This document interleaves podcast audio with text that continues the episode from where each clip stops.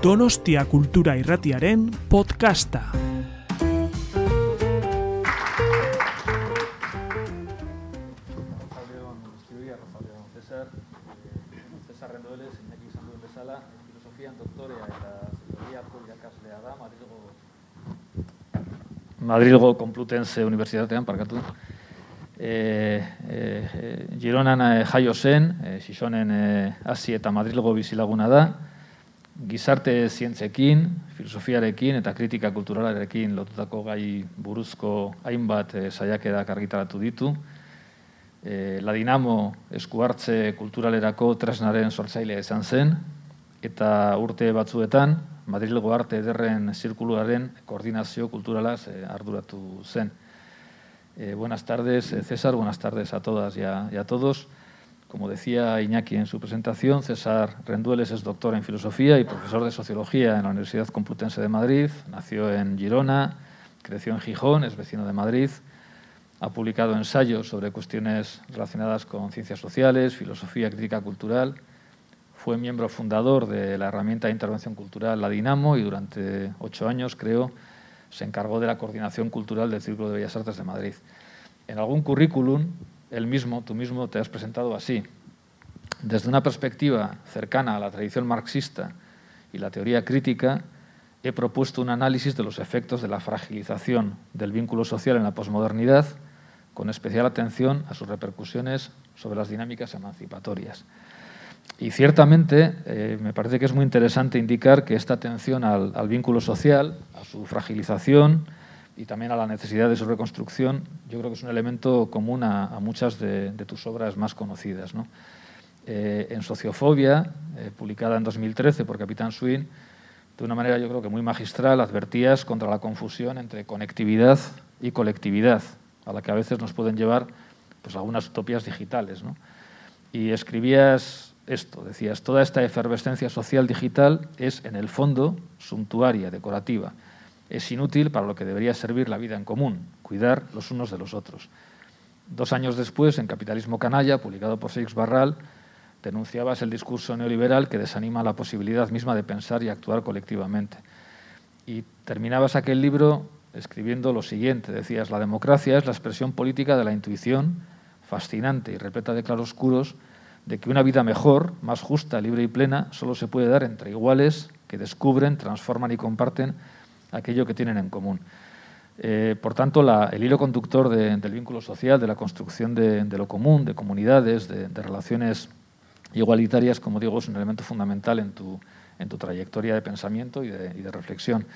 Eh, el libro El capitalismo canalla eh, lo publicaste en 2015, tú dices que lo publicaste en un contexto de revueltas democráticas contra el capitalismo austericida, eh, y, en ese, y, en el, y en el libro que presentamos hoy, Contra la igualdad de oportunidades, dices que empezaste a pensarlo en mayo de 2011 durante las movilizaciones del 15M. ¿vale? Han pasado 10 años justamente, 10 eh, años después, ya que es una pregunta muy general, eh, ¿Cuál dirías que es el estado de salud de ese vínculo social, de esa vida común entre, entre iguales? ¿Qué cambios se han producido en estos últimos años? Sí, bueno, antes de nada, muchas gracias, Imanol, muchas gracias, Iñaki. Eh, la verdad es que eh, yo creo que me has pillado, ¿no? O sea, me has calado muy bien porque yo llegué a la sociología un poco de una manera sobrevenida, ¿no? Yo venía del mundo de la filosofía y un poco por azares eh, profesionales, porque no encontré eh, hueco en el eh, mundo académico de la filosofía, acabé recalando en una especie de intrusismo profesional que, que nunca he abandonado en, en, el espacio de la sociología, que me entusiasmó eh, pero bueno, al, que me sentía un poco, un poco ajeno y tuve que buscar ¿no? alguna clase de, hilo del que tirar, eh, a través del cual conectar pues, con, con investigaciones, con eh, desarrollos propios de esa disciplina. Y el que más me interesó desde el primer momento fue el vínculo social, ¿no? como una especie de hilo rojo que recorre bueno, pues algunas de las corrientes sociológicas desde el siglo XIX hasta, hasta hoy. Y, creo que a menudo es una buena manera de hincarle el diente a, distintos problemas eh, sociológicos y políticos. ¿no? no es el único, hay como siempre muchas perspectivas posibles, pero sí es una buena manera a menudo de... Eh, bueno, pues de, abordar desde esa perspectiva dimensiones que suelen estar eh, ocultas porque vivimos en sociedades muy individualistas que glorifican mucho la expresión de preferencias individuales, de desarrollos individuales y que por tanto ocultan, tienden a ocultar esas dimensiones más, compartidas, pues es una, buena puerta de entrada para numerosos problemas eh, sociales. Eh, y concretamente yo creo que eh, muchas expresiones de malestar social, muchos conflictos de todo tipo, a menudo tienen que ver con eh, procesos de fragilización social, con, que de alguna manera nos sentimos, eh, sentimos que llevamos vidas dañadas, ¿no? cuando no tenemos la oportunidad de ayudar y de ser ayudados, de muy distintas maneras. Esto suena muy naif, esto de ayudar y no ayudar, ¿no? pero bueno, eh, de formas muy integradas en nuestra cotidianidad, de llevar vidas compartidas en sentido amplio, con todo lo que tiene eso de muchas veces de conflictivo, contradictorio ¿no? y, de, oscuro, porque compartir a veces es, como saben bien los niños, a veces es horrible. ¿no? Yo recuerdo a uno, a uno de mis hijos ¿no? que estaba en el parque y, les, y le decía, no, tienes que compartir los juguetes. Y se quedó pensando y dijo, odio compartir. No, pues bueno, sí, es verdad, ¿no? a veces odiamos compartir y, eso forma parte también de la experiencia de, la, eh, de, vivir en, común. ¿no? Pero yo creo que efectivamente muchas, eh, muchos conflictos, muchas eh, sensaciones de vidas dañadas tienen que ver con, con esa destrucción de, de, los vínculos sociales en nuestra sociedad o con, esas barreras permanentes que encontramos para desarrollar esos, esos vínculos. Y, muchas revueltas eh, o muchos eh, contramovimientos, si lo queremos decir eh, con esa expresión polanyiana, ¿no? muchos procesos de impugnación de la, ¿no? de la facticidad, de, la facticidad de, lo que hay, pues se expresan a menudo con una, búsqueda muy intensa de, nuevas formas de conexión social, de solidaridad, de fraternidad. Y yo creo que eso es lo que empezó a pasar eh, como un ciclo global en distintos lugares del mundo hace ahora 10 años y de manera muy diferente. ¿no? De manera muy diferente en Grecia, que en, eh, eh, en Europa, que en, el, que en, el, resto de Europa, que en, en, los países árabes, que en Estados Unidos, ¿no? en distintos lugares del mundo. Yo creo que eh, la gente salió efectivamente a las plazas eh, y, impulsó distintos procesos de movilización, a menudo muy amorfos, no, no, tenían un programa claro, muy ingenuos a veces también, que tenían un componente muy expresivo ¿no? de, manifestar rabia, indignación, pero también había unas ganas de, de encontrarse ¿no? frente a esa idea que nos habían vendido durante mucho, mucho tiempo de que bueno, pues debíamos conformarnos con eh, esas vidas que se nos habían dado y que nos iría bien o mejor que a nuestros padres si nos portábamos bien, estudiábamos mucho y no protestábamos en el trabajo, pues yo creo que mucha gente descubrió que no solo la crisis estaba mal, sino que esa vida que se nos prometía también estaba, era una vida dañada, era una vida mala. ¿no?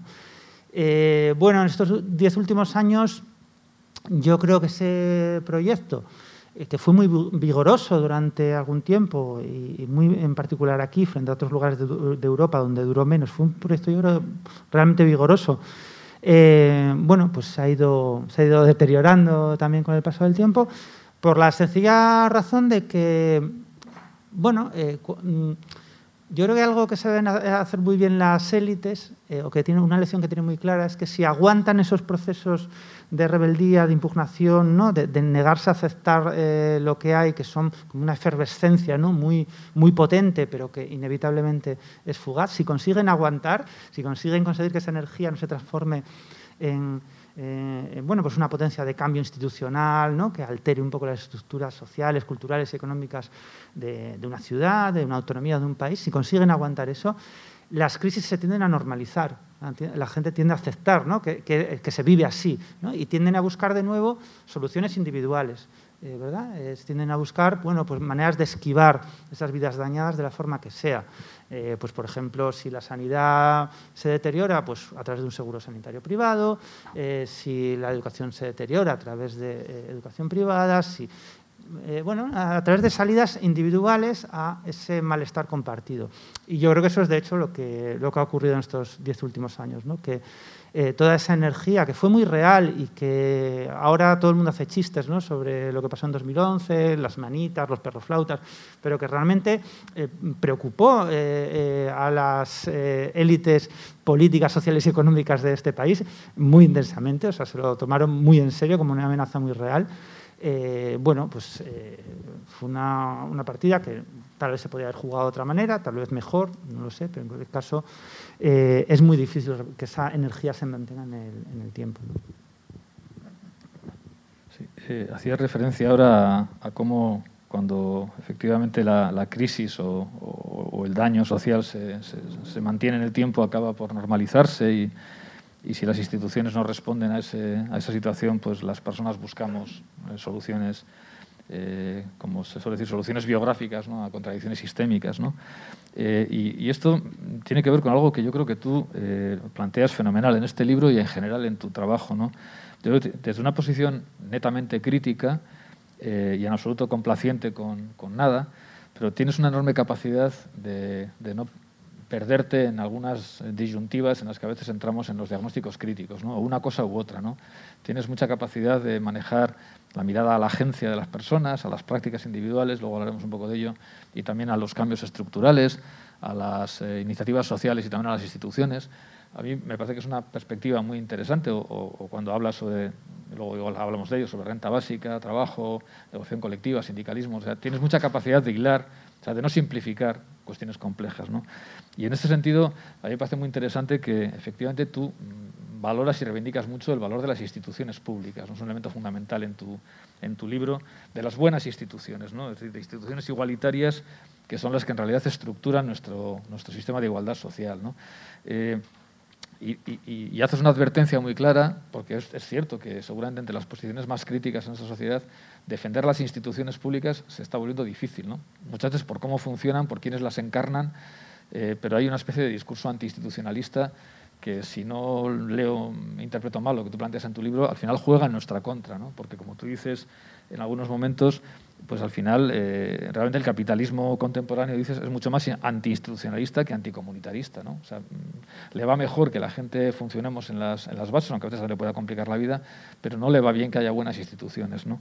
Eh, me, gustaría mucho eh, que, que, puedas desarrollar esta idea de por qué las instituciones públicas las buenas instituciones públicas son tan importantes para construir una sociedad igualitaria Sí, eh, bueno, esto, esto, yo creo que es importante también a veces aclararlo, ¿no? porque cuando pensamos en instituciones muchas veces yo creo que las confundimos con las organizaciones, que son dos cosas parecidas, pero no son exactamente eh, lo mismo. Una institución es un conjunto de normas, es una manera de hacer, eh, pues por ejemplo, la educación universitaria es una institución.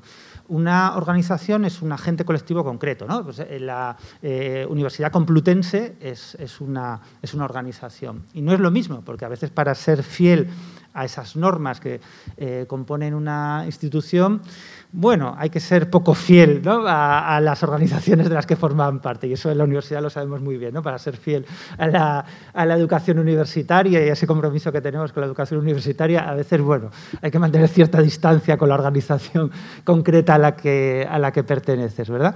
Y eso yo creo que son dos cosas eh, que conviene tener en la cabeza como relacionadas, pero, eh, pero distintas. Yo creo que buena parte de los discursos antiinstitucionales en realidad van dirigidos con la forma concreta que han adoptado ciertas eh, organizaciones eh, públicas en momentos eh, concretos. Y es verdad que las organizaciones públicas a menudo, son autoritarias, a menudo tienen agendas ocultas, benefician a las élites, etc. Pero eso no significa necesariamente que las instituciones en sí mismas no puedan ser reformadas o no puedan ser pensadas de, otra manera. Y muchas veces cuando en esos discursos antiinstitucionales pensamos solamente en instituciones muy represivas, como puede ser pues, yo qué sé, los manicomios clásicos o, eh, la policía o ciertos tipos de policía. ¿no? Y en cambio nos olvidamos de que bueno, hay también instituciones públicas que pueden ser participativas, mucho más cordiales y dar servicios eh, públicos de forma también democrática. Yo creo que Eh, es muy difícil que en sociedades eh, complejas como las que eh, vivimos, donde apreciamos mucho la libertad individual, nuestra capacidad para cambiar de vida, para desplazarnos de un lugar a otro, instituciones comunitarias más tradicionales, más directamente participativas, más de base, eh, se ocupen de todo el abanico de eh, necesidades eh, que tenemos en, la actualidad. Es muy, muy difícil. Creo que las comunidades se pueden ocupar de muchas más cosas de las que se ocupan ahora mismo y que es muy importante potenciarlas, pero desde luego sin instituciones públicas sólidas es francamente complicado ¿no? imaginar cómo podríamos mantener esos estándares, no solo de bienestar, sino también de libertad, también de libertad individual. Eh, y a menudo lo que pasa es que eh, pienso que cierta crítica antiinstitucional, insisto, no, no, esa crítica antiinstitucional bien dirigida a aquellos aspectos más autoritarios o negativos de esas organizaciones públicas burocratizadas, etcétera, sino cierta crítica antiinstitucional eh, bueno, más amplia y yo creo que poco matizada, efectivamente, como decía Simanol, a veces acaba haciéndole el juego a eh, los partidarios de la privatización, ¿no? porque dices, no, yo no quiero que la biblioteca esté burocratizada y gestionada por el Estado, quiero que seamos la comunidad la que lo hagamos. ¿no? Entonces siempre hay un neoliberal de guardia que dice, tome las llaves, apáñeselas, ¿no? apáñeselas. Siempre, siempre hay alguien dispuesto ¿verdad? A, desentenderse de cualquier tipo de... Eh, eh, de responsabilidad pública eh, de, esas instituciones para eh, cedérselo amablemente sin medios económicos, sin ninguna capacidad de, intervención real, etcétera, a, bueno, pues a, una, comunidad de base. Yo creo que eso es muy peligroso. y eso es muy peligroso además porque yo creo que las instituciones públicas no solo sirven para proporcionar servicios eh, o bienes valiosos, importantes para llevar una vida digna, sino que además, eh, al menos en algunas de sus versiones, en su origen, estaban pensadas para obligarnos un poco a mezclarnos socialmente. Y esa es una función que las comunidades eh, hacen peor. es decir, cuando se diseñaron los planes de vivienda pública después de la Segunda Guerra Mundial, por ejemplo en Inglaterra, o la sanidad pública también en Inglaterra, uno de los objetivos explícitos de esos planes era mezclar a personas de procedencias diversas. y eso es algo que yo creo que estamos muy acostumbrados que nos pase en los servicios públicos. ¿no? te toca una habitación de hospital, compartir la, habitación con quien te toque. Eh, y no es alguien de tu círculo eh, ni intelectual, ni político, ni social, es con quien te toque. Y en la escuela igual, pues te toca, a tus hijos van con quien les toque. Eh, porque es normal que a todas y a todos nos pasa, ¿no? Tenemos que juntarnos con gente que es más o menos como nosotros. Eso es lo más normal del mundo y no, no pasa nada, somos así.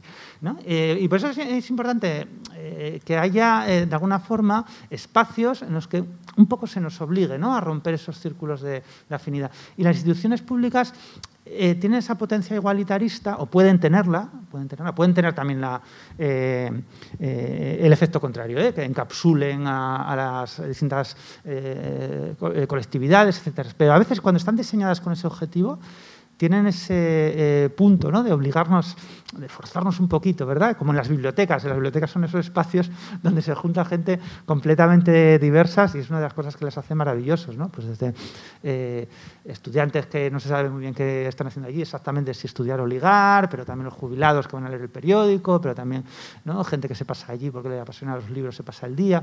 Bueno, pues yo creo que eso es muy difícil que otro tipo de eh, organización que no sean las instituciones públicas como fueron diseñadas en, eh, en ese momento que tenían un fuerte impulso igualitarista, desempeñan esa función.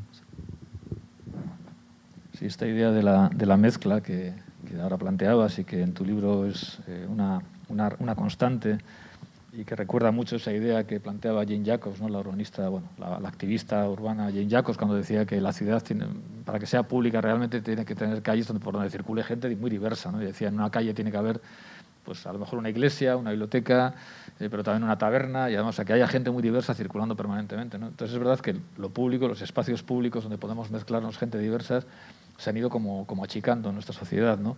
Y una de esas instituciones eh, pensadas para, para la mezcla también, eh, y a la que tú das mucho valor eh, es justamente la, educación, la, enseñanza, la escuela pública. ¿no? O sea, la, educación pública es una de esas instituciones fundamentales donde nos encontramos con otra gente.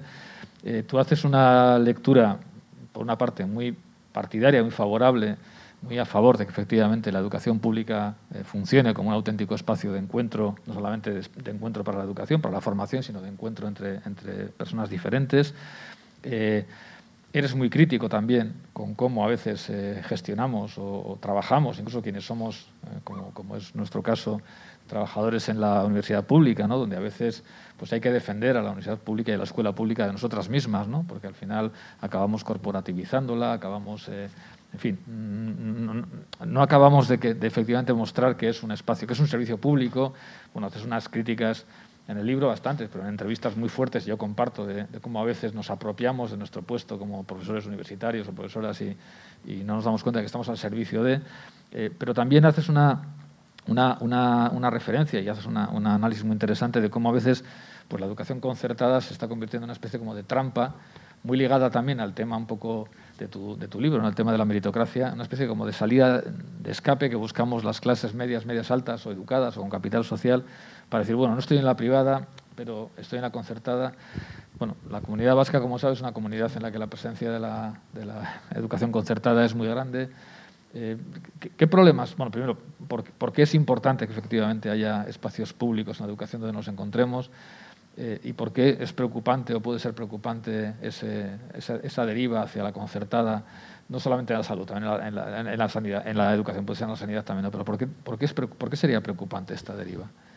Bueno, antes de nada, es muy interesante lo que señalabas de Jay Jacobs de, de la homogeneidad. El otro día eh, pasaba por uno de esos barrios de Madrid que se llaman PAUS, que son básicamente urbanizaciones, una especie de gate communities, ¿no? de comunidades cerradas que normalmente tienen piscina dentro y que son una especie, pues eh, como el gran reducto ¿no? de votos de la derecha y el centro derecha en, en Madrid. ¿no? y, y bueno, y es muy interesante lo increíblemente homogéneos que son esos barrios eh, sociodemográficamente. Todo el mundo tiene la misma edad, todo el mundo. Eh, y, y, es es asombroso.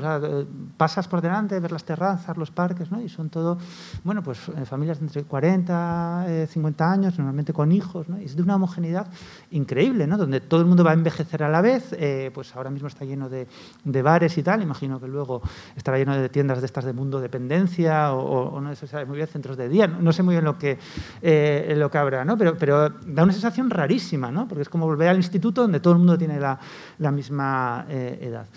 Eh, sí, yo efectivamente creo que eh, eh, uno de los problemas que hemos tenido en la defensa de la, educación pública es cierto proceso de bunkerización. En los últimos 40 años en este país ha habido un ataque sistemático a la educación pública en unas comunidades autónomas más que en otras. Yo vivo en una donde esos ataques han sido en Madrid, han sido brutales. Eh, además desde las escuelas infantiles hasta la, hasta la universidad.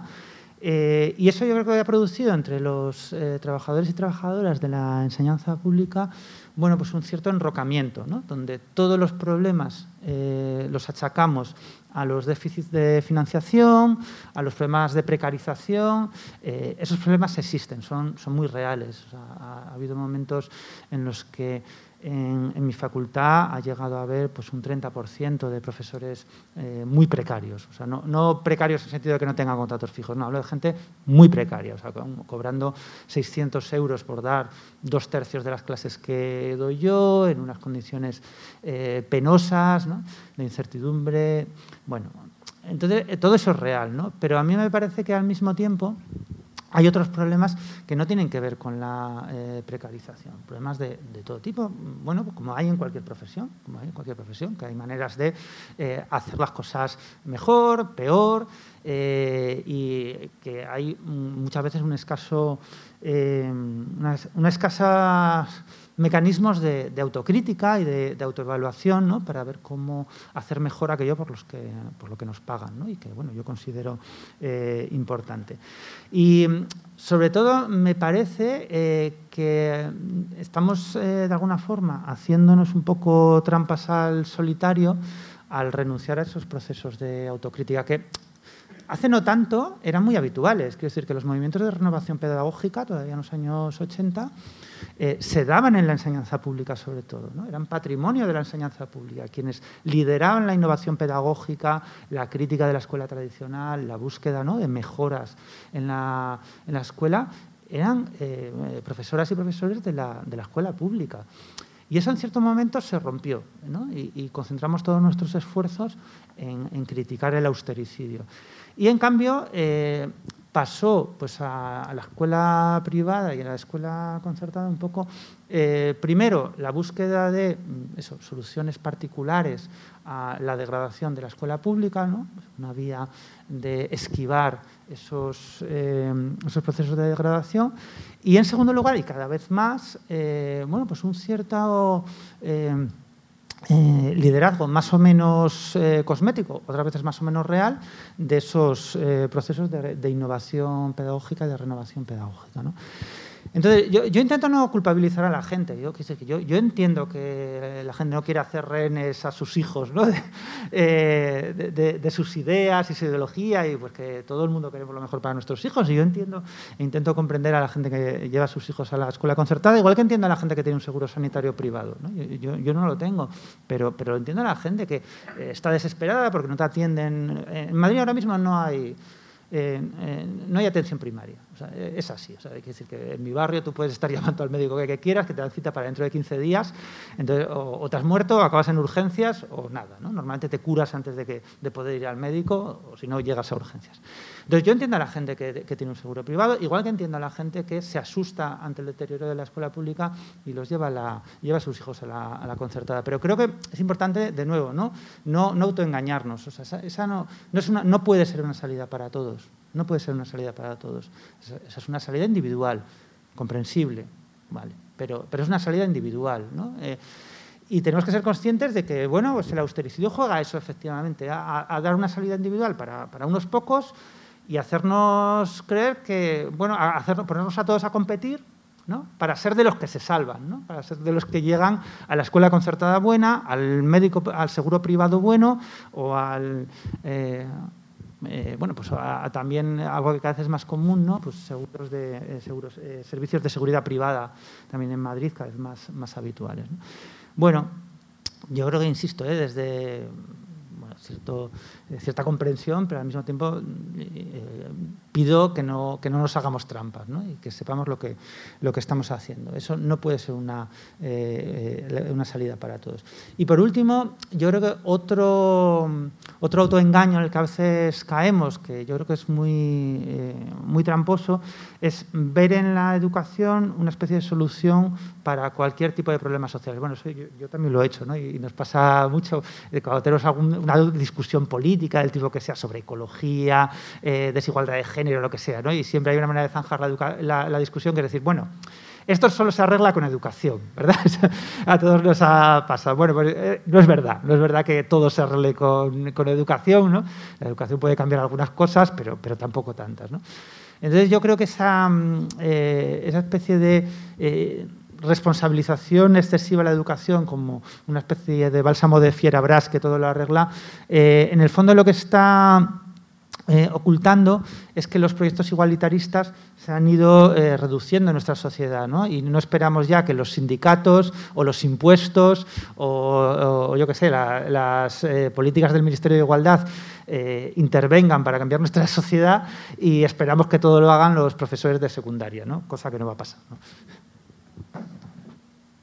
Eh, esta mirada eh, favorable y partidaria, pero exigente que tienes hacia, hacia las instituciones públicas, no sé si puede relacionarse con una propuesta que, que yo, la, primera vez que, que, leí, que la expresabas en una en una entrevista y luego te escuché también en, Bilbao, me sorprendió y me consta que a mucha gente le sorprendió. ¿no? Eh, tú, decías, bueno, tú, decías que de alguna manera propones el igualitarismo como una especie de horizonte transversal, como un ideal que no solo pertenece al campo de las izquierdas. Y en muchas entrevistas, y me refiero a esto, que es lo que igual sorprendió a mucha gente, de, tú decías que habías intentado escribir este libro de forma que pudiera ser, tal vez no asumido, pero sí al menos discutido, reflexionado, pensado por personas de derechas. Y en una entrevista en concreto decías, de una manera muy clara, decías, creo que mucha gente conservadora o de derechas no es tanto que rechace el igualitarismo como que le preocupa que ese proyecto sea incompatible con los valores asociados a la responsabilidad y el esfuerzo. Me parece un punto importante, decías, los valores relacionados con las obligaciones son imprescindibles para un proyecto igualitarista y desde la izquierda no siempre hemos sabido integrarlos en nuestro discurso. Eh, ¿Consideras que efectivamente puede haber un espacio de encuentro entre posiciones conservadoras o más o menos progresistas en torno a esta cuestión de, del igualitarismo?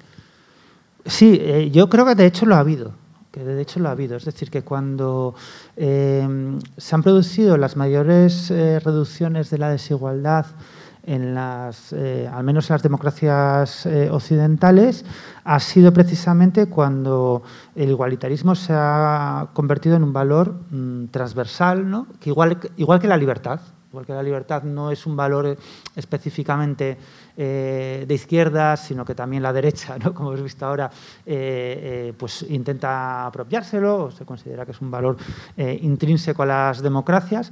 el igualitarismo, al menos en algunos momentos de la historia reciente, también ha sido un valor bastante, bastante transversal con el que se sentían identificados desde su propia perspectiva, dándole sus propios sesgos, sus propios matices, tanto propuestas más asociadas a la izquierda como personas más conservadoras.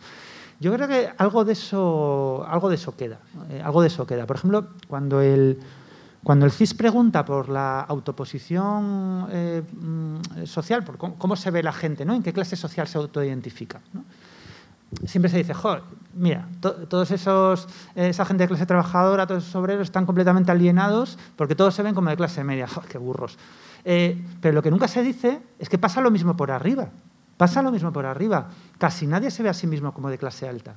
Casi nadie se ve a sí mismo como de clase media alta. Eh, o sea, eh, para, estar, para ser de clase media alta, incluso de clase alta, no hace falta mucho. ¿eh? O sea, para estar en el 10% que más gana este país, no hay que ser millonario ni muchísimo menos.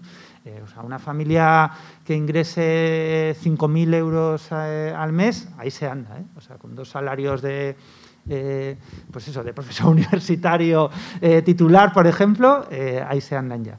Sin embargo, nadie se ve así. Cuando hacemos esas encuestas, todo el mundo se ve como de clase media. Y eso es interesante, porque yo creo que hay un, rechazo instintivo, no solo a verse como de clase baja, que es normal, nadie quiere verse en posiciones subalternas, subordinadas, sino también hay un rechazo instintivo a verse por encima de los demás por encima de los demás. ¿Eh? Eh, hay, eh, algo que, nos molesta, ¿no? que nos molesta de tener subordinados, de estar por encima. Y, yo creo que eso tiene que ver con que efectivamente en las democracias modernas los valores igualitaristas están mm, más arraigados, igual que los valores relacionados con la libertad, están más arraigados de lo que a veces pensamos.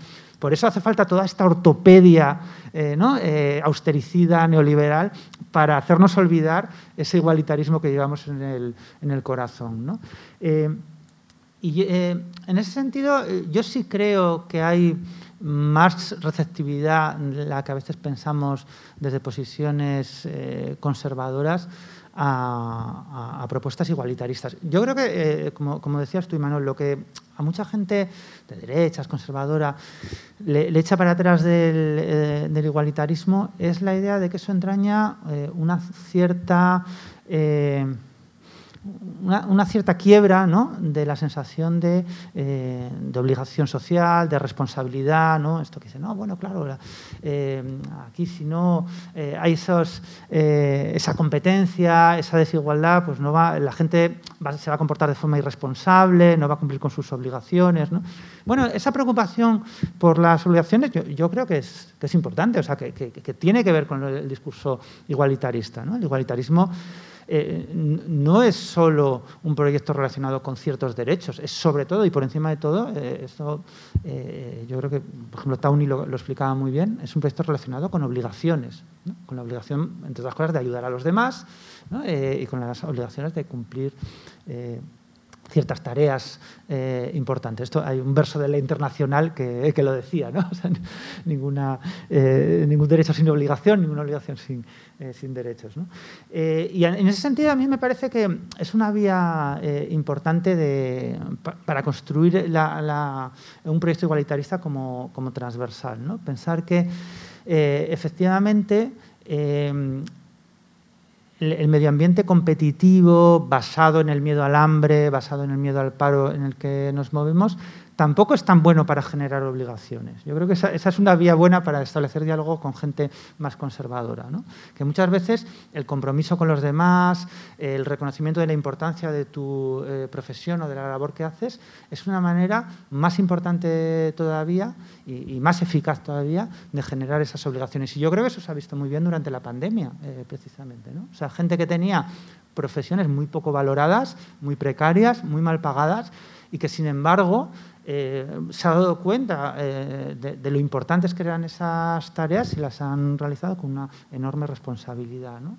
Y, no era exactamente por el miedo al hambre, o por el miedo, más bien al revés, ¿no? o sea, tenían mucho miedo al realizar esas, esas tareas, siendo cajero o cajera de supermercado, siendo empleado de limpieza de un hospital, ¿no? tenían miedo de contagiarse, estaban mal pagados, con unas condiciones horribles, sin embargo, la responsabilidad les llevaba a hacerlo. Yo creo que esa es digamos, una, manera eh, de, abrir ese espacio, como mínimo, de comprensión, ¿no? para, para gente que de alguna manera solo ha encontrado eh, una manera de expresar o solo ha encontrado eh, oídos ¿no? para esa preocupación por la responsabilidad en, en los discursos mercantilizadores y competitivos. ¿no?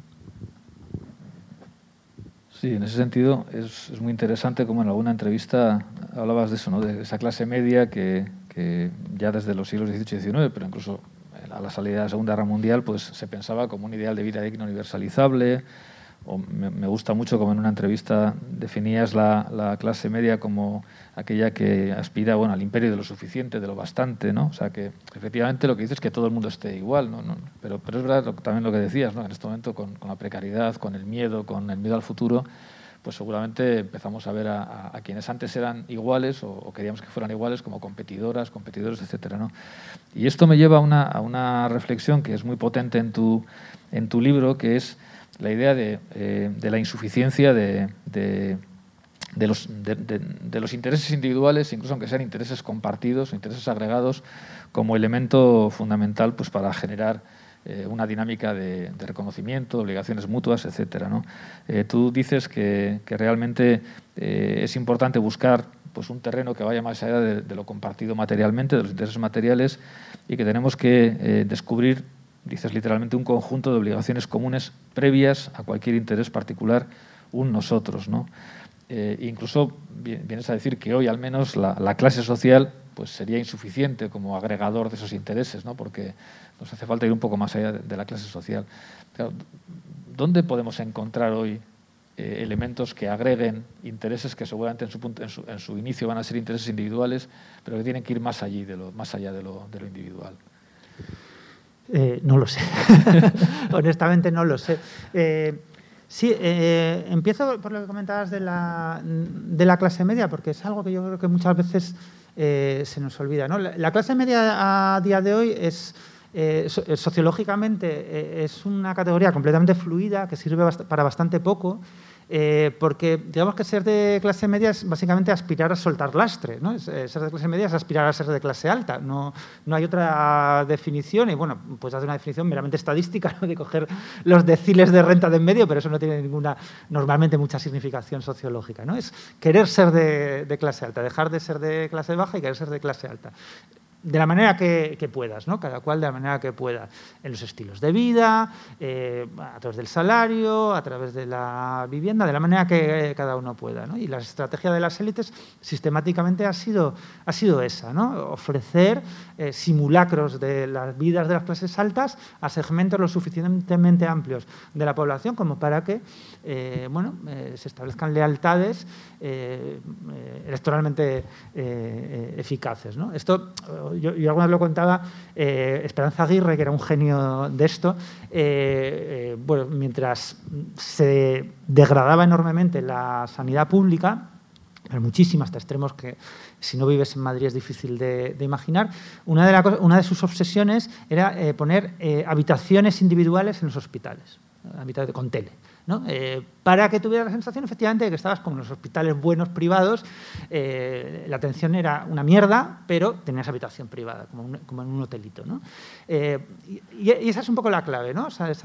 Generar bueno, pues, lealtades compartidas entre las élites y esas clases medias aspiracionales que, sin embargo, eh, la clase media todavía en el siglo XIX surgió ese concepto con un sentido diferente. La clase media era eh, aquellos trabajadores asalariados que eh, conseguían romper con el imperio de la necesidad, del miedo al hambre, de la precariedad más absoluta, pero no se confundían con eh, bueno, pues las eh, clases altas que llevaban unas eh, vidas igualmente asquerosas, ¿no? por, otros motivos, tanto por motivos éticos, porque su riqueza provenía de la explotación de los demás, como también por motivos puramente sociales y culturales. Es decir, era un ideal de lo suficiente. Y en ese sentido era, era interesante porque lo que ofrecían eran o buscaban modelos de vida que pudieran ser universalizables. A diferencia de los modelos de vida de las élites, que no pueden ser universalizables, no todo el mundo puede tener un jet privado, no todo el mundo puede tener una casa con piscina. ¿no? Pero el ideal de clase media surgió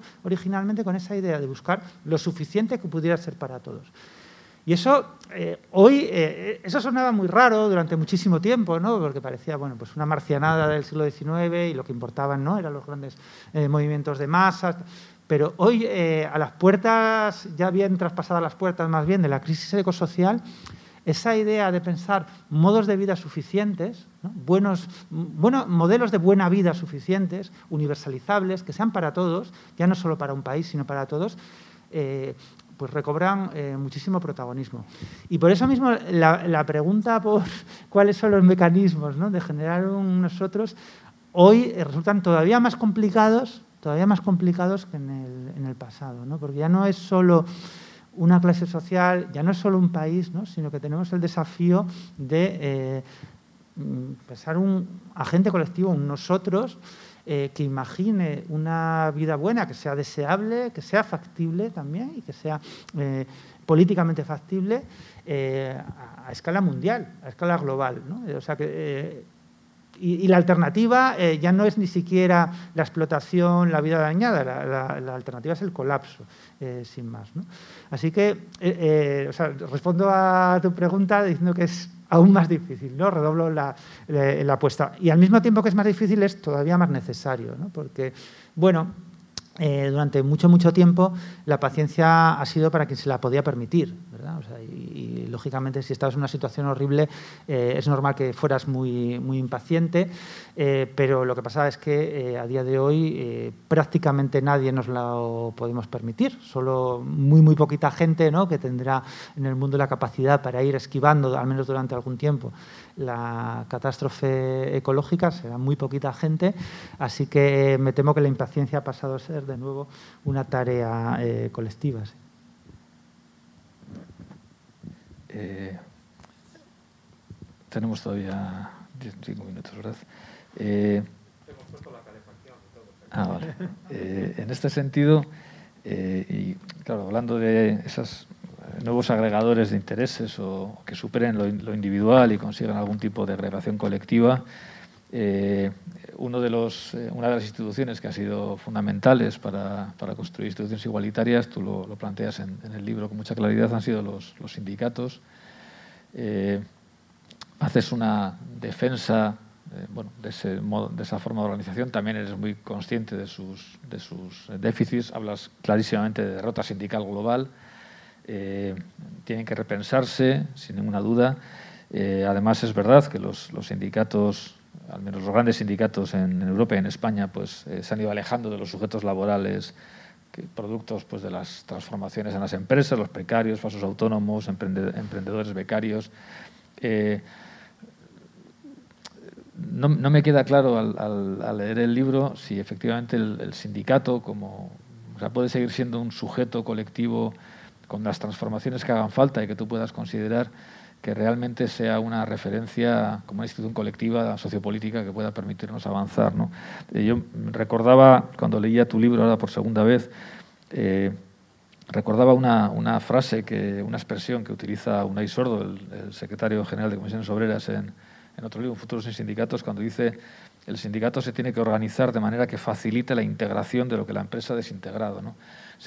Puede, seguir siendo un integrador de, todo esto que está rompiendo la economía, todas estas vidas dañadas que está generando la economía, el sindicato, o qué, sindicato. Sí, yo, creo que eh, justo Unai Sordo el otro día eh, retuiteaba el, testimonio de un trabajador de, de, Libero, con el que tuve ocasión hace poco de hablar y que hoy mismo otra vez eh, contaba eh, que el otro día le, pegaron directamente, unos eh, falsos repartidores de Libero, porque la patronal de, de Globo y, de Libero, pues, eh, para, para, evitar que se apruebe la ley ¿no? de, regularización de los, de los riders, está eh, haciendo todas, toda clase de tácticas de matonismo recién sacadas de los años 20, ¿no? del, siglo, del siglo pasado. Eh, bueno, pues tácticas de desprestigio en redes sociales, acoso laboral y llegando directamente a las, a las agresiones. Se hacen pasar por riders en, televisión. ¿no? Entonces, recuerdo que Unai Sordo justamente mandaba un vídeo de un programa de televisión en el que eh, este, este rider eh, hablaba después de otro rider que criticaba esta ley y decía, es que ese eh, es uno de mis jefes, no es ningún rider, es uno de los dueños de, las empresas que se hace pasar por trabajador para, para, para, hacer estas críticas. Y es un caso extremo el de los, de los riders, como un ejemplo de, capitalismo de plataforma, eh, en el que nos damos cuenta de que la mayor parte de las innovaciones que asociamos al entorno digital y como una cosa inevitable ¿no? de, la, eh, aparición de toda clase de algoritmos, eh, del poder de las máquinas, etcétera, en el fondo en lo que se basa es en la fragmentación de los trabajadores. son herramientas bastante sofisticadas, pero cuyo objetivo final es impedir que los trabajadores eh, ejerzan la acción colectiva para reivindicar sus derechos. O sea, no, hay, no tiene otra finalidad. ¿no? O sea, el algoritmo de, Globo de, de Libero, igual que el algoritmo de Airbnb, sirve para que no haya un sindicato de riders que puedan reivindicar sus derechos ante un juez o para que no haya, eh, pues lo mismo, ¿no? un sindicato de pequeños propietarios de viviendas que en condiciones legales puedan hacer, ofertar ese, ese servicio. ¿no? Sirve para fragmentar, para que no haya acción eh, colectiva. En ese sentido, yo, casi lo preguntaría al, al revés. ¿no? O sea, es que eh, no hay otra opción más que algo parecido a los sindicatos. A lo mejor no se llama sindicatos, pero no hay otra opción porque eh, la única alternativa ¿no? Al, la enorme diferencia de poder que tiene el capital y el eh, trabajo es justamente la acción colectiva. Un trabajador individual frente a una gran empresa por definición no tiene nada que hacer, porque el poder contractual de la empresa, el poder de negociación, es mucho mayor.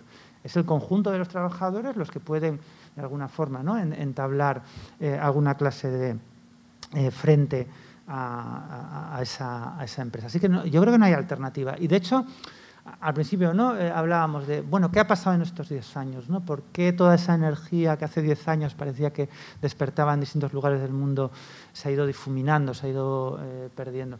Bueno, pues en buena medida yo creo que tiene que ver con que toda esa fuerza nunca traspasó los centros de trabajo.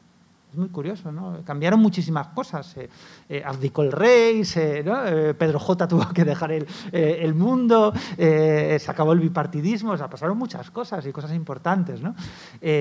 pero una cosa que no ocurrió es que todo ese proceso de cuestionamiento, de indignación, de impugnación, atravesaba los centros de trabajo. En los centros de trabajo, business as usual, ¿verdad? No, no cambió absolutamente nada.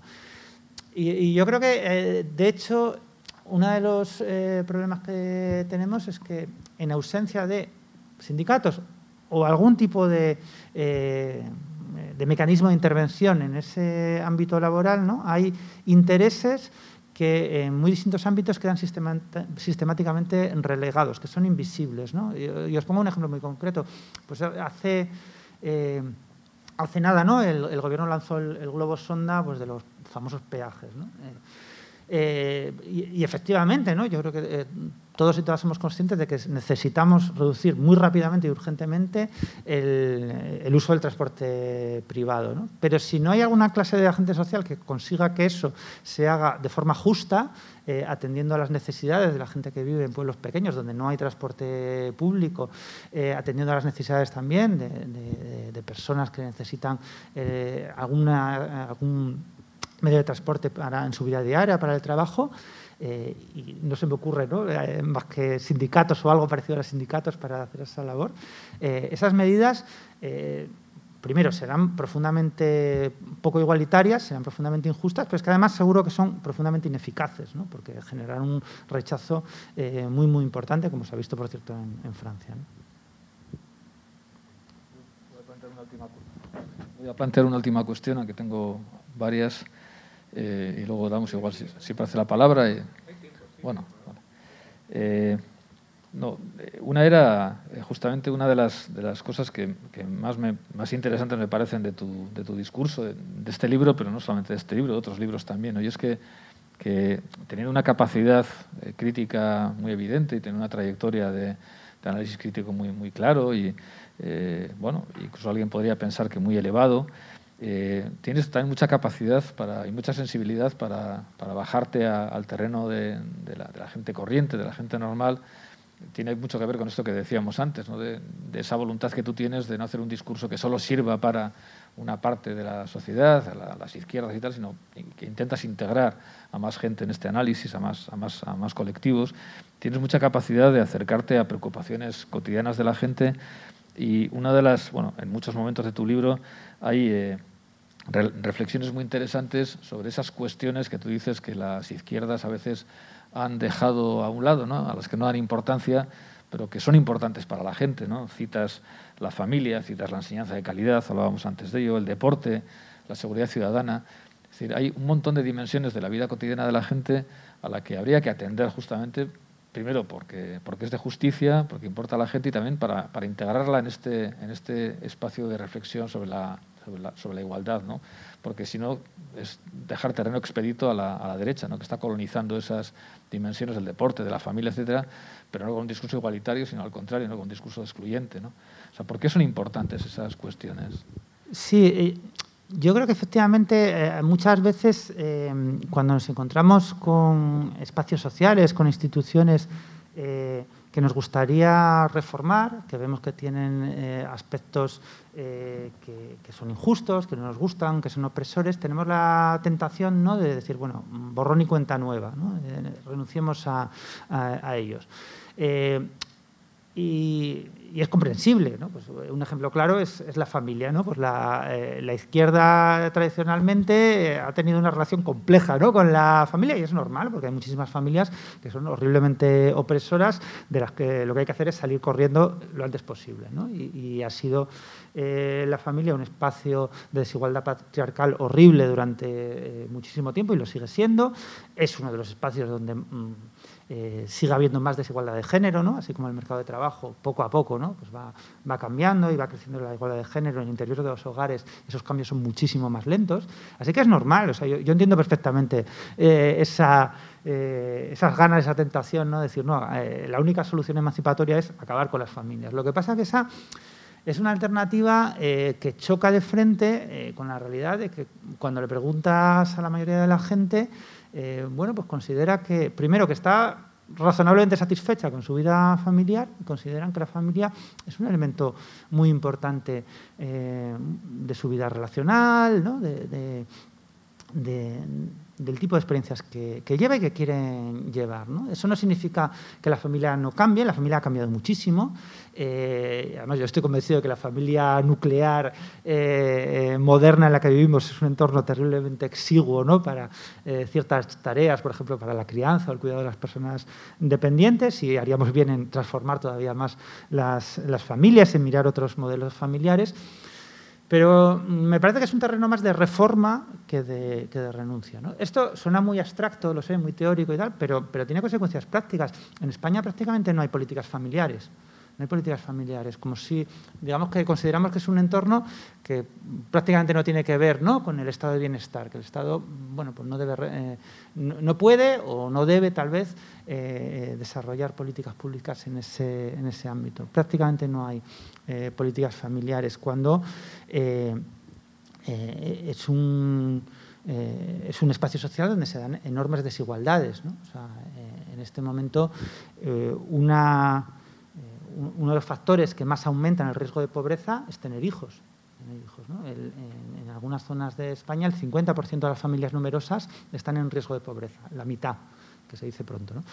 Eh, así que yo, creo que haríamos bien efectivamente en, no desatender esos espacios. Porque además, si no, como, como decías, eh, Imanol, eh, cuando abandonamos los espacios que para la gente son importantes, enseguida eh, la derecha y sobre todo la extrema derecha los usa como un mecanismo de intervención. Porque, bueno, pues si la gente no encuentra respuestas razonables o alguien que le escuche desde eh, espacios democráticos, igualitaristas, a veces se conforma con respuestas deplorables, pero que por lo menos eh, te, sientes escuchado. Pasa algo parecido con la delincuencia. España es un país muy seguro, eh, comparativamente, muy seguro. Tenemos muy poca delincuencia. Eh, sobre todo los que lo hablábamos antes, ¿no? quienes vivimos los años 80 y la epidemia de heroína, pues sabemos que hoy vivimos en, ciudades y en un país muy seguro. Pero eso no significa que no haya eh, bueno, pues, fenómenos localizados donde hay inseguridad ciudadana. De hecho, eh, los pobres padecen mucho más la inseguridad ciudadana que los ricos. Es algo que se nos olvida casi siempre. ¿eh? En, las zonas más pobres suele haber mucha más inseguridad que en las zonas más, más ricas.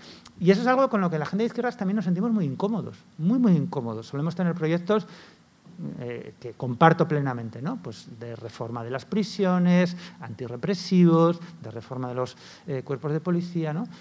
Pero nos sentimos mucho más incómodos a la hora de pensar, bueno, ¿y qué hacemos con la inseguridad? ¿Qué hacemos con la delincuencia que degrada muchísimo la vida de los barrios allí donde se da? Y de nuevo, pues es un espacio perfecto ¿no? para que la ultraderecha eh, o la derecha sin más, ¿no? pues intervenga ofreciendo soluciones represivas, normalmente muy ineficaces, porque rara vez consiguen algo, pero que eh, por lo menos la gente se siente, se siente escuchada. ¿no? Eh, dicen, bueno, pues por lo menos estos no hacen como que ese problema no existe. Por lo menos estos no hacen como que el problema no existe. Por lo menos estos no hacen como si no existieran las familias, como si no hubiera inseguridad. Entonces yo creo que sin renunciar a los proyectos de transformación, sin, aceptar las prisiones como son, la policía como son, la judicatura como son, yo creo que no hay que aceptarlo y además tenemos que ser eh, muy pesados en eso. ¿no? no hay por qué conformarse y no, debemos hacerlo. Eh, pero sí eh, no dejar huecos, no dejar nichos vacíos, no dejar espacios vacíos porque inmediatamente ¿no? aparece alguien que los coloniza. Y el tema del deporte, que le das mucha importancia y además bueno, estás desarrollando un artículo más reciente sobre... Es muy interesante lo que planteas en el libro, si puedes, sin, hacer eh, mucho spoiler, para que la gente lo lea, hay que leer el libro, ¿vale? es muy importante. Sí, eh, es que no lo cuento tanto porque suena tan marciano que necesito... y es curioso, ¿no? igual que ha habido un rechazo, un rechazo eh, grande ¿no? desde la izquierda a los, eh, por ejemplo, a, los distintos valores familiares, identificando a las familias solo con los valores más represivos, patriarcales, olvidando que ese no es el único tipo de familia que ha habido. ¿no? En las familias también ha habido amor, colaboración, respeto. ¿no? Eh, a veces pasa. ¿no? por lo mismo pasa con el deporte. O sea, hay una especie de deportefobia ¿no? muy prestigiosa entre la, entre la izquierda. ¿no? Odiar el deporte es una cosa muy prestigiosa. Yo solo me di cuenta, hablando, no lo voy a decir porque como no lo ha en público, pero bueno, con un escritor muy conocido de, izquierdas que habla, bueno, tiene una columna semanal y que habla de toda clase de temas. Y un día, hablando con él, me contó que era eh, pues, un atleta eh, importante, vamos, que era un corredor de montaña, eh, vamos, de, muy, muy aficionado. ¿no? Y decía, ¿pero ¿por qué nunca has hablado de eso en una, en una columna, en un libro? Jamás has mencionado el deporte, ¿no? Y era como que tenía cierto pudor. O sea, eh, hay mucho menos pudor a la hora de hablar de todo tipo de prácticas sexuales que a la hora de hablar del, del deporte muchas veces, ¿no? Y a mí eso me llama la atención, ¿no? O sea, ¿por qué asociamos...? Eh, es evidente por qué, ¿no? O sea, yo creo que eh, tendemos a identificar el deporte exclusivamente con prácticas muy competitivas, muy mercantilizadas, el deporte espectáculo, el fútbol, Florentino Pérez, etcétera, etcétera, ¿no? Eh, pero bueno, eso no es, no es lo único que, hay, ¿no? Eh, el deporte es muchas más cosas. Y, entonces, yo creo que, eh, de hecho, hay experiencias deportivas, sobre todo en el deporte de base, en el deporte cooperativo, en el deporte amateur, que todo lo contrario, a mí me parece que sirven como mm, modelos culturales para otro tipo de, de experiencias, ¿no? Que algunas, sabéis que en el mundo de la gestión cultural, ahora que estamos en un centro cultural, hay mucho debate siempre acerca de la alta cultura y la relación con la cultura popular y cómo conseguir efectivamente que venga todo tipo de públicos a, pues, conferencias o exposiciones ¿no? y que no se quede solo en pequeños nichos de gente experta. Si os dais cuenta de eso, en el deporte pasa con mucha, con mucha naturalidad. Eh, yo, eh, me di cuenta que realmente uno de los espacios sociales donde me mezclaba con gente más variada, me di cuenta una vez que fui a escalar con unos guardias civiles, que me enteré cuando estaba escalando con ellos de que eran guardias civiles, y, pensé, joder, pues es muy complicado que yo me junte con cuatro guardias civiles en cualquier otro contexto, ¿no? y, me di cuenta efectivamente de que eh, nos juntábamos en distintos ámbitos deportivos gente completamente distinta. Y que precisamente por eso a veces son espacios de intervención política y social eh, muy interesantes. Y esto, por ejemplo, los clubes cooperativos que están surgiendo de fútbol en distintos eh, lugares eh, se han dado cuenta de eso, de que muchas veces puedes hacer un discurso antihomófobo, antirracista a través de esas herramientas deportivas que llega gente que de otra manera no llegarías no llegarías, ¿no? porque consigues romper con esas barreras sociales, esos círculos sociales un poco homogéneos en los que nos movemos eh, habitualmente. Esto, los primeros que lo entendieron fue la extrema derecha, por cierto, ¿no? por eso eh, se infiltraron sistemáticamente los campos de fútbol desde los años 70. ¿no? Eh, claro, no se trata de reproducir esa estrategia, sino de hacer otra cosa completamente diferente.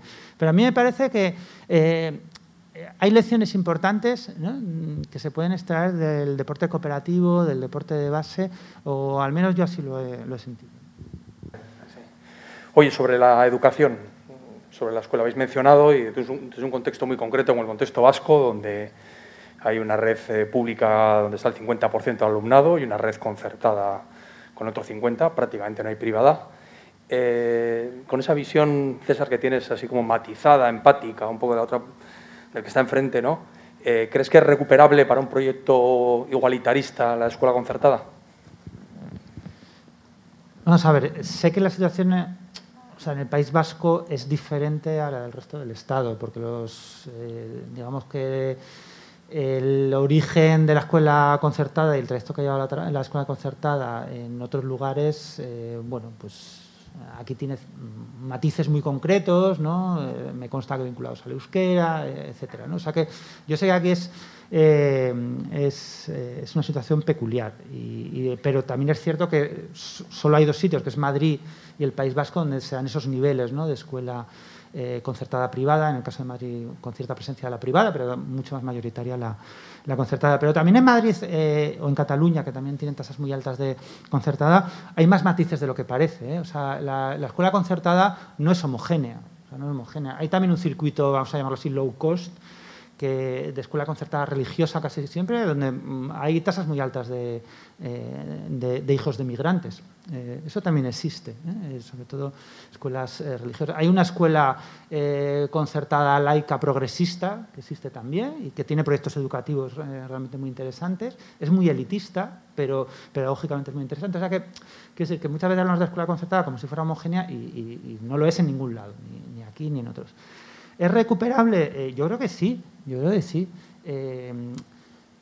Eh, es recuperable de distintas maneras. Eh, sabéis que ahora en Cataluña hay un proyecto mm, para evitar las escuelas gueto que intenta precisamente conseguir que las escuelas concertadas asuman una cuota mucho mayor de pues estudiantes con necesidades especiales o mm, con mayor diversidad social, vamos a llamarlo así. ¿sí? a mí me parece un mal plan porque yo creo que eso, eh, digamos que eh, trata un poco la segregación escolar como si fuera un accidente. Bueno, aquí había distintas opciones, mira tú qué casualidad, todos los problemas han caído de la escuela pública, cuando sabemos que no ha sido así. Eh, la segregación escolar es el resultado de una estrategia deliberada de ofrecer a las familias una manera de esquivar los problemas de la escuela pública. Insisto, me parece razonable que la gente quiera esquivar los problemas, lo entiendo, pero seamos también honestos, ha sido una estrategia deliberada. Así que yo diría que más bien la única vía factible mm, pasa por eh, un proceso de, bueno, voy a decirlo con una terminología clásica, de nacionalización. que, de hecho yo creo que era un poco lo que eh, el proyecto original de la escuela concertada era ese, fue una solución provisional a una falta de recursos educativos en un momento muy determinado, en los años 80, cuando no había suficientes plazas eh, en la pública, ¿verdad?, para cubrir todas las nuevas necesidades eh, educativas. Era una solución provisional que se esperaba ¿no? que en el futuro pasara por un proceso de, nacionalización, de volver a ser pública. A mí me parece que el único horizonte al que, razonable ¿no? para romper esa segregación es ese entre medias, me vale lo que funcione, francamente. me vale lo que funcione, ¿no? porque efectivamente lo que estamos viviendo ahora cada vez más no es solo una disparidad de eh, de medios y de problemas en la escuela pública y la privada concertada, sino cada vez más la aparición de escuelas gueto, colegios gueto, institutos gueto. Y eso está apareciendo cada vez con más fuerza. No sé hasta qué punto aquí, pero desde luego en Cataluña muchísimo y en Madrid cada vez más. O sea que se está enquistando cada vez más el problema. Eh, o sea, para mí el horizonte eh, debería ser el de, el de, una, nacionalización, efectivamente, ¿no? el que haya un único eh, sistema que recoja pues, las necesidades de las familias que seguramente se habrán manifestado a lo largo de estos años, ¿no? también en la escuela concertada, se habrán manifestado necesidades, aspiraciones, modelos que puedan ser captados en la, en la pública y asumidos como legítimos. Eh, pero, entre tanto, eh, ya digo, ¿no? Eh, me parece que estamos en, una situación tan límite, sobre todo en, Madrid, Cataluña y el País Vasco, que, me vale casi lo que sea con tal de empezar a, revertir eso. ¿no? Porque pensad que no, es, no es solo un modelo educativo lo que está en juego, es un modelo social un modelo social. O sea, cuando la gente estas semanas ¿no? me preguntaba mucho, no, pero ¿cómo es posible que Madrid sea una ciudad tan conservadora? Madrid sabéis que es un caso casi único en el, iba a decir el mundo, no sé si es el mundo, pero en Europa, en la que una gran ciudad, eh, la capital de un país, es más conservadora que el resto del país. No pasa en ningún lado. de verdad, o sea, es que, no, o sea, que siempre es al revés. Son las grandes metrópolis las que son más progresistas, más cosmopolitas, etc. Madrid es un caso único de una ciudad muchísimo más de derechas, más conservadora, más reaccionaria que el resto del país. ¿Cómo pasa? ¿Por qué pasa eso?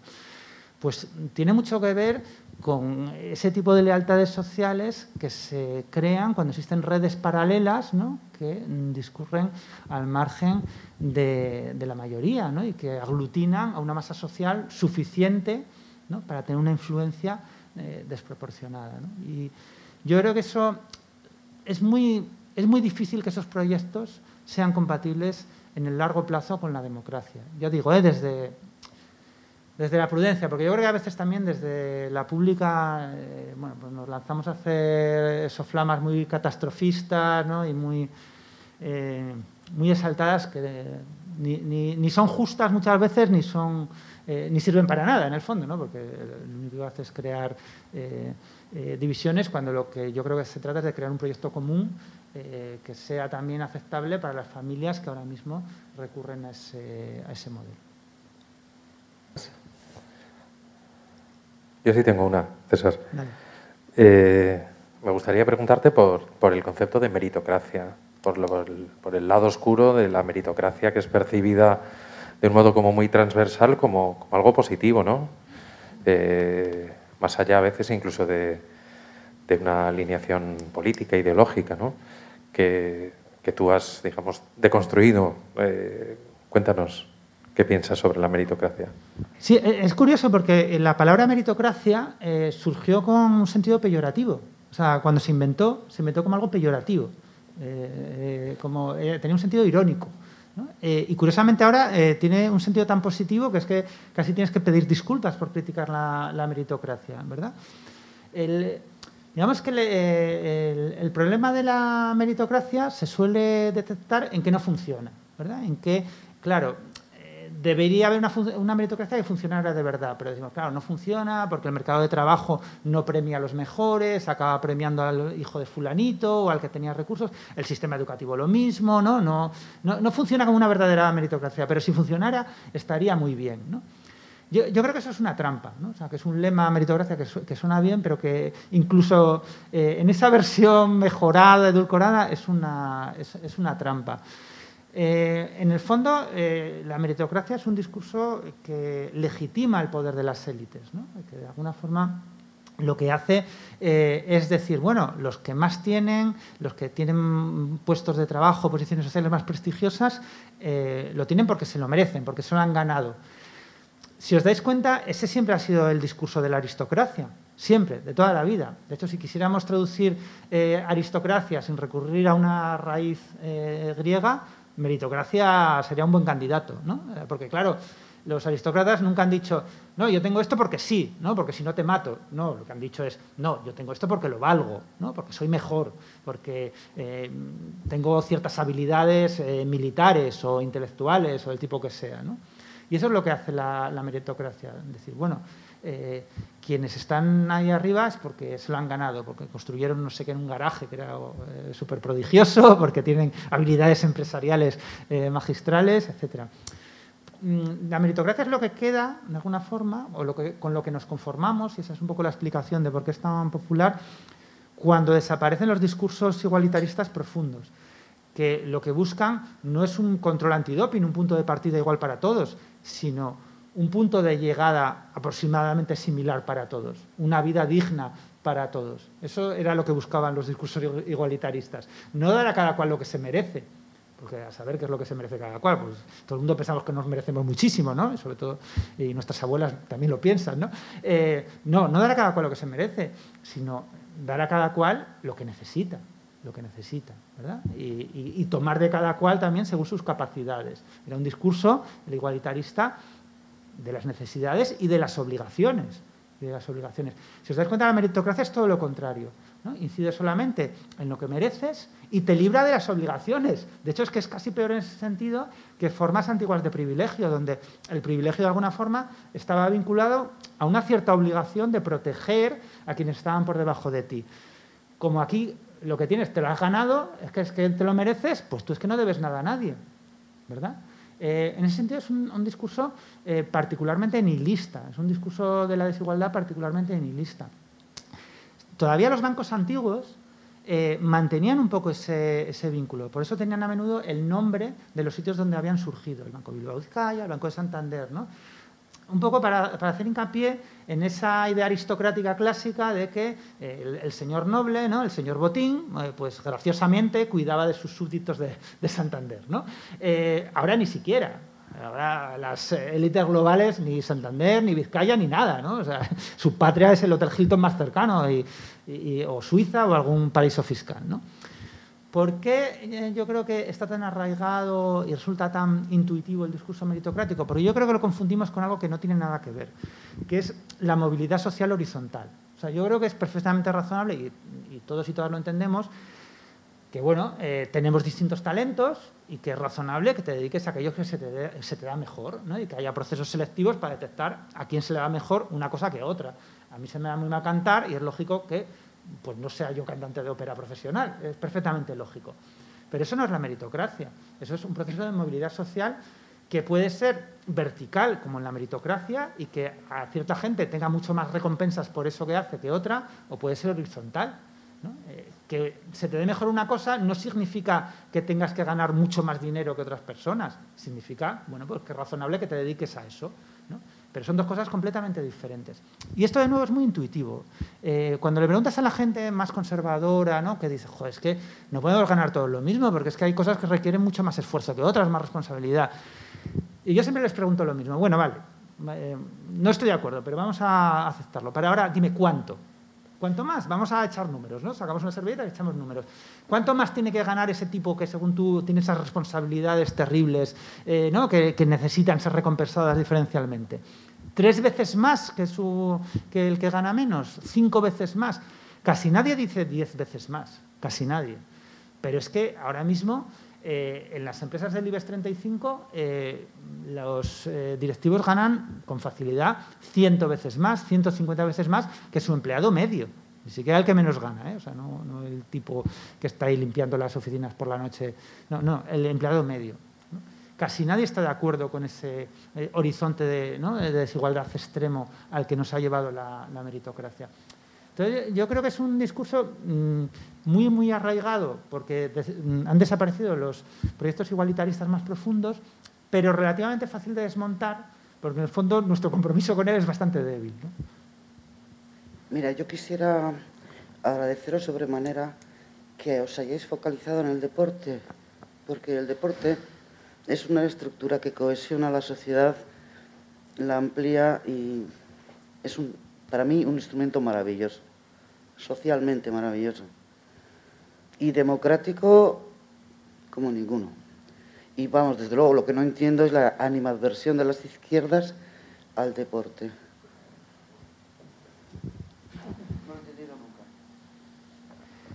Eh, eh, me alegra que saques de nuevo el tema porque es que ya digo, me cuesta hablar de él, pero tengo, justamente hablaba el otro día con un, chico que está haciendo una tesis doctoral sobre una zona de, eh, de Ávila, bueno, una zona rural de Ávila muy degradada, donde bueno, es casi la caricatura misma de la España vaciada, ¿no?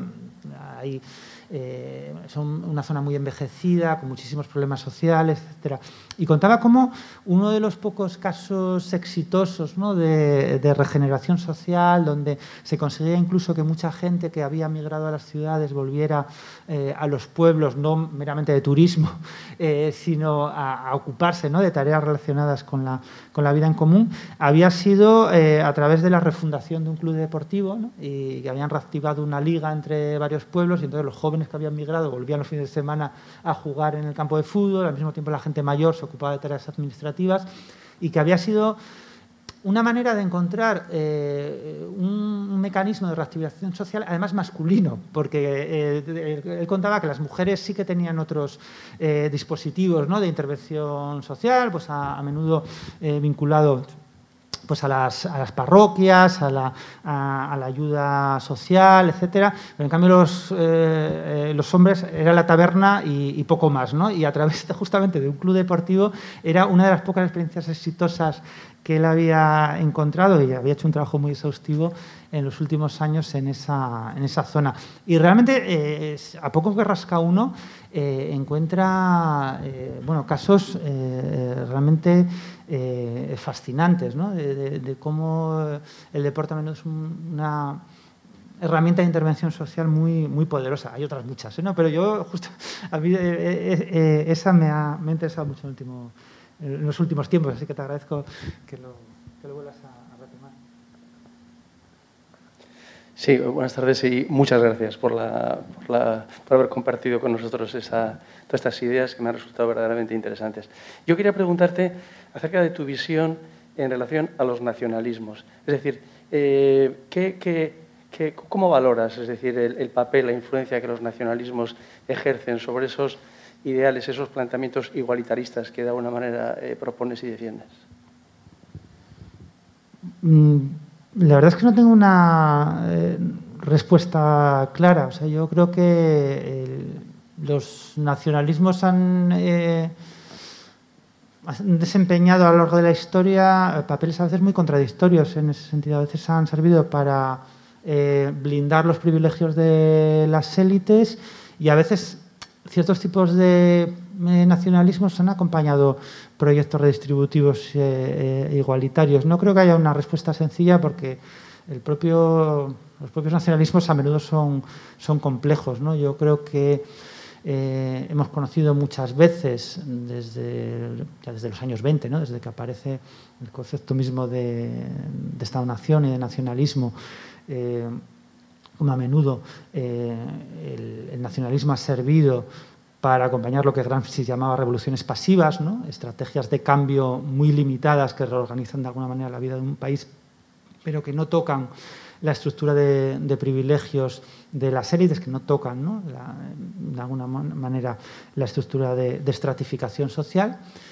Pero en otros casos, eh, yo creo que proyectos que tienen un cierto componente nacionalista, tal vez no sean su propia, su médula, ¿no? el, nacionalismo, pero que tienen un cierto componente de reivindicación de la soberanía nacional, y pienso, por ejemplo, en algunos proyectos de la izquierda latinoamericana, eh, sí han tenido un fuerte componente eh, redistribuidor e, igualitario.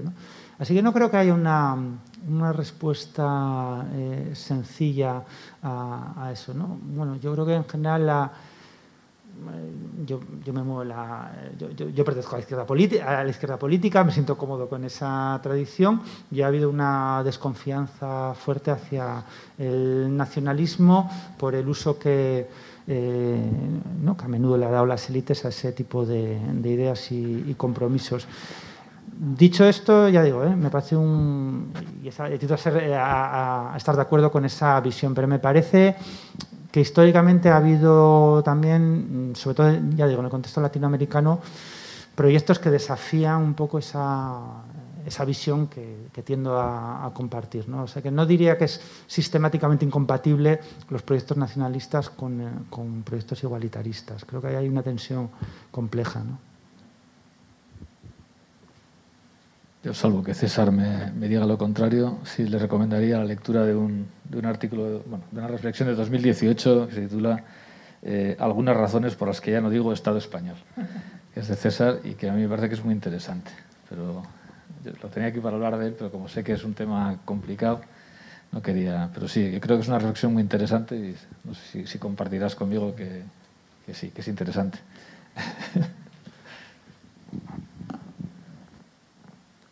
¿Alguna más? ¿Les damos un aplauso entonces?